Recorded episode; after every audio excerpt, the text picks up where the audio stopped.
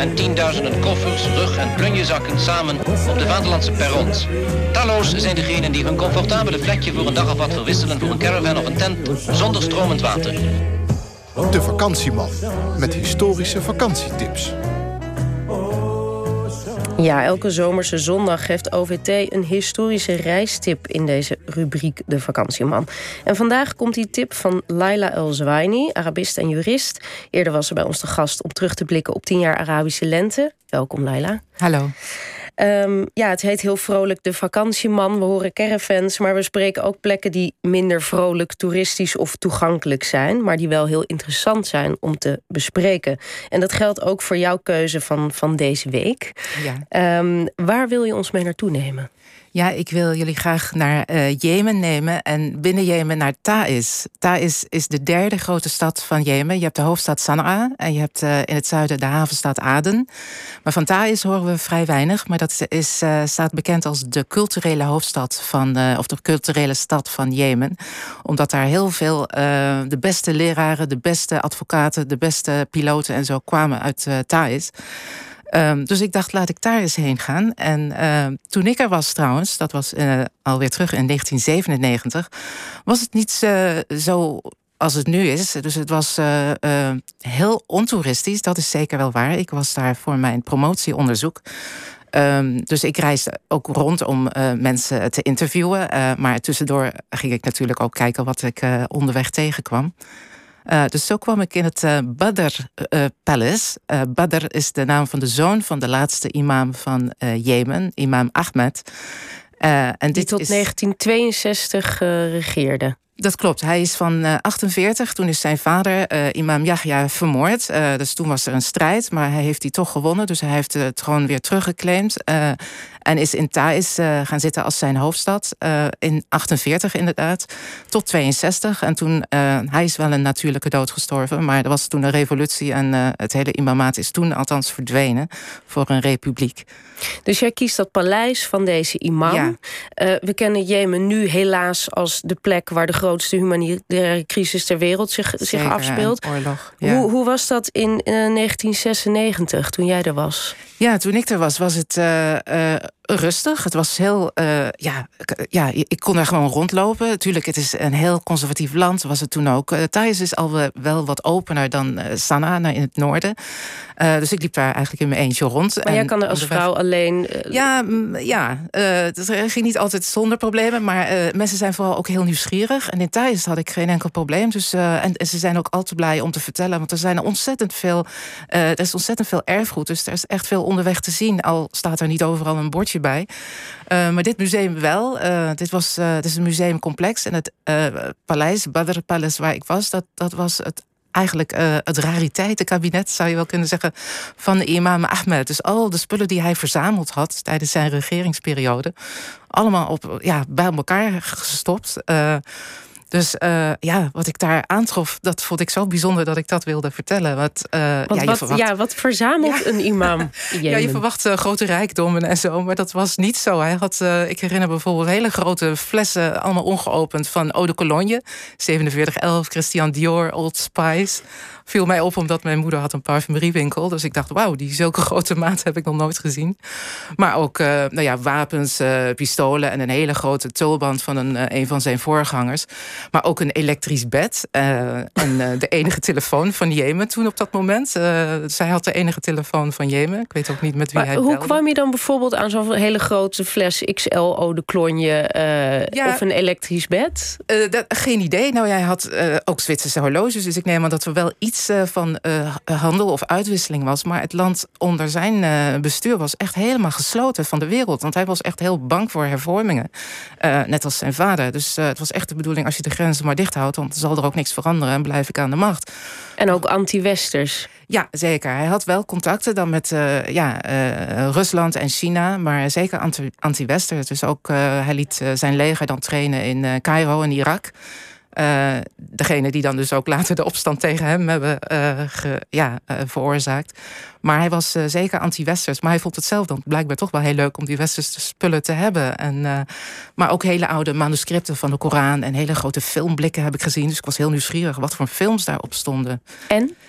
Ja, dat weten we niet. En ik ben bang dat ze nu allemaal verwoest zijn. Want uh, ja, dat is het verhaal ook. Uh, in, uh, tussen 2015 en 2017 was Thais echt het, tussen twee vuren. Dus de Houthis aan de ene kant en het regeringsleger, gesteund door Saudi-Arabië en de Emiraten aan de andere, hebben echt allebei zitten schieten op, uh, uh, op Thais. Dus er zijn ontzettend veel monumenten verwoest. En ook dit uh, paleis. En ook afgebrand. Dus de, ja, de collectie is voor het grootste deel afgebrand, helaas. En, en ja, de gevel ook ingestort. Um, dus er zal niet veel van over zijn, vrees ik. En wat voor rol uh, uh, vervulde dat museum voor de lokale bevolking? Hadden zij, uh, vereerden zij die imam nog? Of hoe, hoe zat dat precies? Nee, dat niet. ik zei al, ze hebben de, Jemen heeft ontzettend veel oud erfgoed... waar mensen echt gewoon dagelijks gebruik van maken. Dus een moskee of een citadel of een hammam, dus een badhuis. dus, en, en huizen zelf zijn ook werelderfgoed in Jemen. Dus het, is, het staat heel erg dicht bij de mensen. Het is, het is hun ja, omgeving, het is hun ja, gebruiksgebouw. dit, dit museum was echt wel apart. Het was echt een museum. Daar moest je ook toegang voor krijgen. En ik denk dat ze eerder iets hadden van... nou, wat een rare man was het toch ook. En om niet bang meer te zijn voor zo iemand. Ik denk dat dat ook uh, een van de doelen was. Om te laten zien, kijk, het was eigenlijk een... ja, ergens een gewone man, maar ook heel raar. Maar helemaal niet dat je de... want hij werd echt gevreesd, hoor. Hij had ook de bijnaam van de duivel en de djinn. Dus een beetje... want hij had ook een telescoop. En dan bespiedde hij zijn onderdanen mee. En dan kon hij de volgende dag zeggen... ik heb jou daar en daar gezien. Hij had ook hele grote echt... vissenogen, zag ja, had hij ook, ja. Hij was uh, waarschijnlijk, misschien had hij wel een schildklierziekte of zo... maar hij zag er echt wel een beetje en heel vierkant en gedrongen. En hij was ook wel vreed. Dus uh, mensen waren ook wel ja, terecht uh, bang voor hem. En dit ja, laat ons zien dat het toch ook ja, een beetje een raar figuur was eigenlijk. Als ik dat zo mag zeggen. En ja. En, en uh, want het is dus verwoest. Um, hoe is ja. de situatie dan nu met dat museum? En, en wordt, dat, wordt dat weer opgebouwd en door wie? Ja, dat is dus tot 2017 was het echt eh, onderhevig gevecht en dus verwoest. Maar vrij snel daarna, 2018, heeft het World Monument Fund, uh, dat is een organisatie in New York, die heeft het uitgeroepen tijdens ook tot uh, de Monument Watch. Dus dat echt het bedreigde erfgoed daar aandacht voor vragen. Dat dat ook heel belangrijk is om juist tijdens een conflict, want het conflict gaat nog wel door, om dat zo snel mogelijk weer te herstellen. Om ook mensen uh, weer hoop te geven en hun identiteit en geschiedenis weer terug te geven. En dat is enorm belangrijk. De UNESCO is daar ook mee bezig. En ook andere internationale organisaties. Maar die werken dan echt met lokale bevolking. Ook om hen te trainen, hoe zij dat zelf weer kunnen opbouwen. En dus ook conserveren. Want daarvoor was het ook best wel slecht geconserveerd.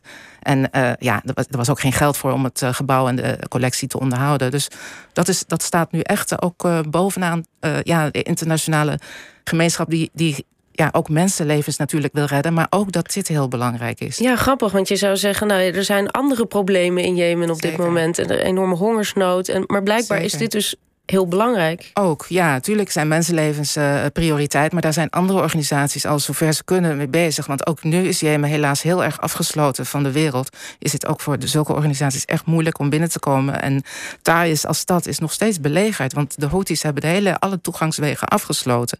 Dus er is één weggetje dat naar buiten gaat. Dat heel gevaarlijk weggetje ook. Dus veel mensen ja, vinden daar ook de dood. Dus het is toch wel heel belangrijk juist om uh, naast de humanitaire hulp en, en de vredesonderhandelingen om ook dit te doen. Want het, het klopt ook. Mensen, je ziet ook daar is, er was uh, ook toevallig, zag ik uh, dat er 1 juli een feestdag was voor het uh, Jemenitische lied.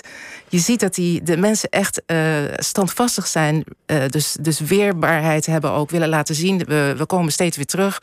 We willen die Houthis niet. Want de Houthis, die dus ja, tegen hen vechten...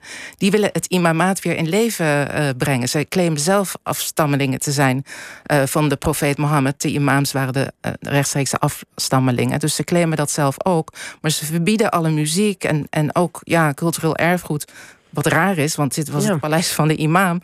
Maar ja, ze hebben ook geen idee wat voor een waarde dat heeft. Um, dus de Jemenieten en, en ook zeker in Thais... die proberen echt uh, weerstand te bieden... door te, steeds te laten zien, we komen terug. Onze gebouwen komen terug, onze lied komt terug. Wij zijn er nog. Ja, ja. en dat vind ik zo bijzonder. En dat, uh, ja, daarom wilde ik dit ook vertellen. Ja, precies. Ook hoe belangrijk cultuur dus is uh, voor, om, om hoop te houden. Zeker. En die landen ja, in het Midden-Oosten en zeker Jemen, daar is zoveel cultuur. Er zijn hele steden die cultureel internationaal erfgoed zijn, door UNESCO benoemd. Maar er is zoveel meer. Dus het is, ja, het is echt deel van het DNA van Jemen en de Jemenieten. En ik wil dat zo graag laten zien dat het niet alleen een oorlog, oorlogsland is of armoede. En dat is het ook. Maar deze lange geschiedenis met ook heel veel ja, revoluties en oorlogen, daar komen ze toch altijd weer overheen. Dus ik wil ook laten zien, net als deze gebouwen weer hersteld worden en herrijzen met onze hulp. Dus als wij aandacht blijven geven en, en helpen, dan, dan kunnen de Jemenieten het zelf uh, samen met ons weer opbouwen. Dus uh, ik hoop dat het toch dan een beetje een vrolijke bestemming is. Al kunnen we er niet heen. Ik hoop wel. Ja. Uh, ja. Misschien in, in de toekomst. Um, ja. en, en stel dat, dat, jij, dat jij er bijvoorbeeld weer heen zou kunnen gaan. Ja. Wat, wat, wat zou je dan nog een keer willen zien? Of wat wil je er mee terugnemen, bijvoorbeeld?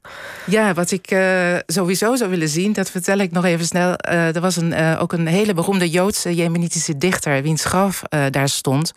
Ik moet helaas zeggen dat die misschien ook verwoest is, maar misschien wordt die dan ook weer opgebouwd. Dus daar zou ik zeker nog eens een keer heen gaan. En ik zou mee terugnemen de beroemde gerookte kazen van uh, Thais.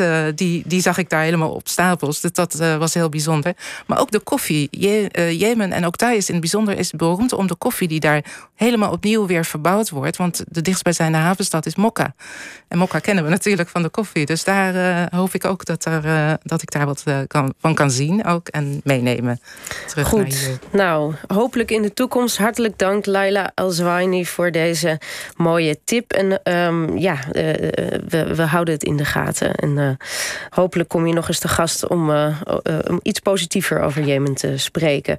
En wilt u nou meer gesprekken uit deze rubriek horen, dan kunt u ook van de afgelopen jaren, dan kunt u naar vpro.nl slash OVT vakantieman. Dan kunt u op een landkaart zien welke plekken besproken zijn. En dat zijn er inmiddels best veel.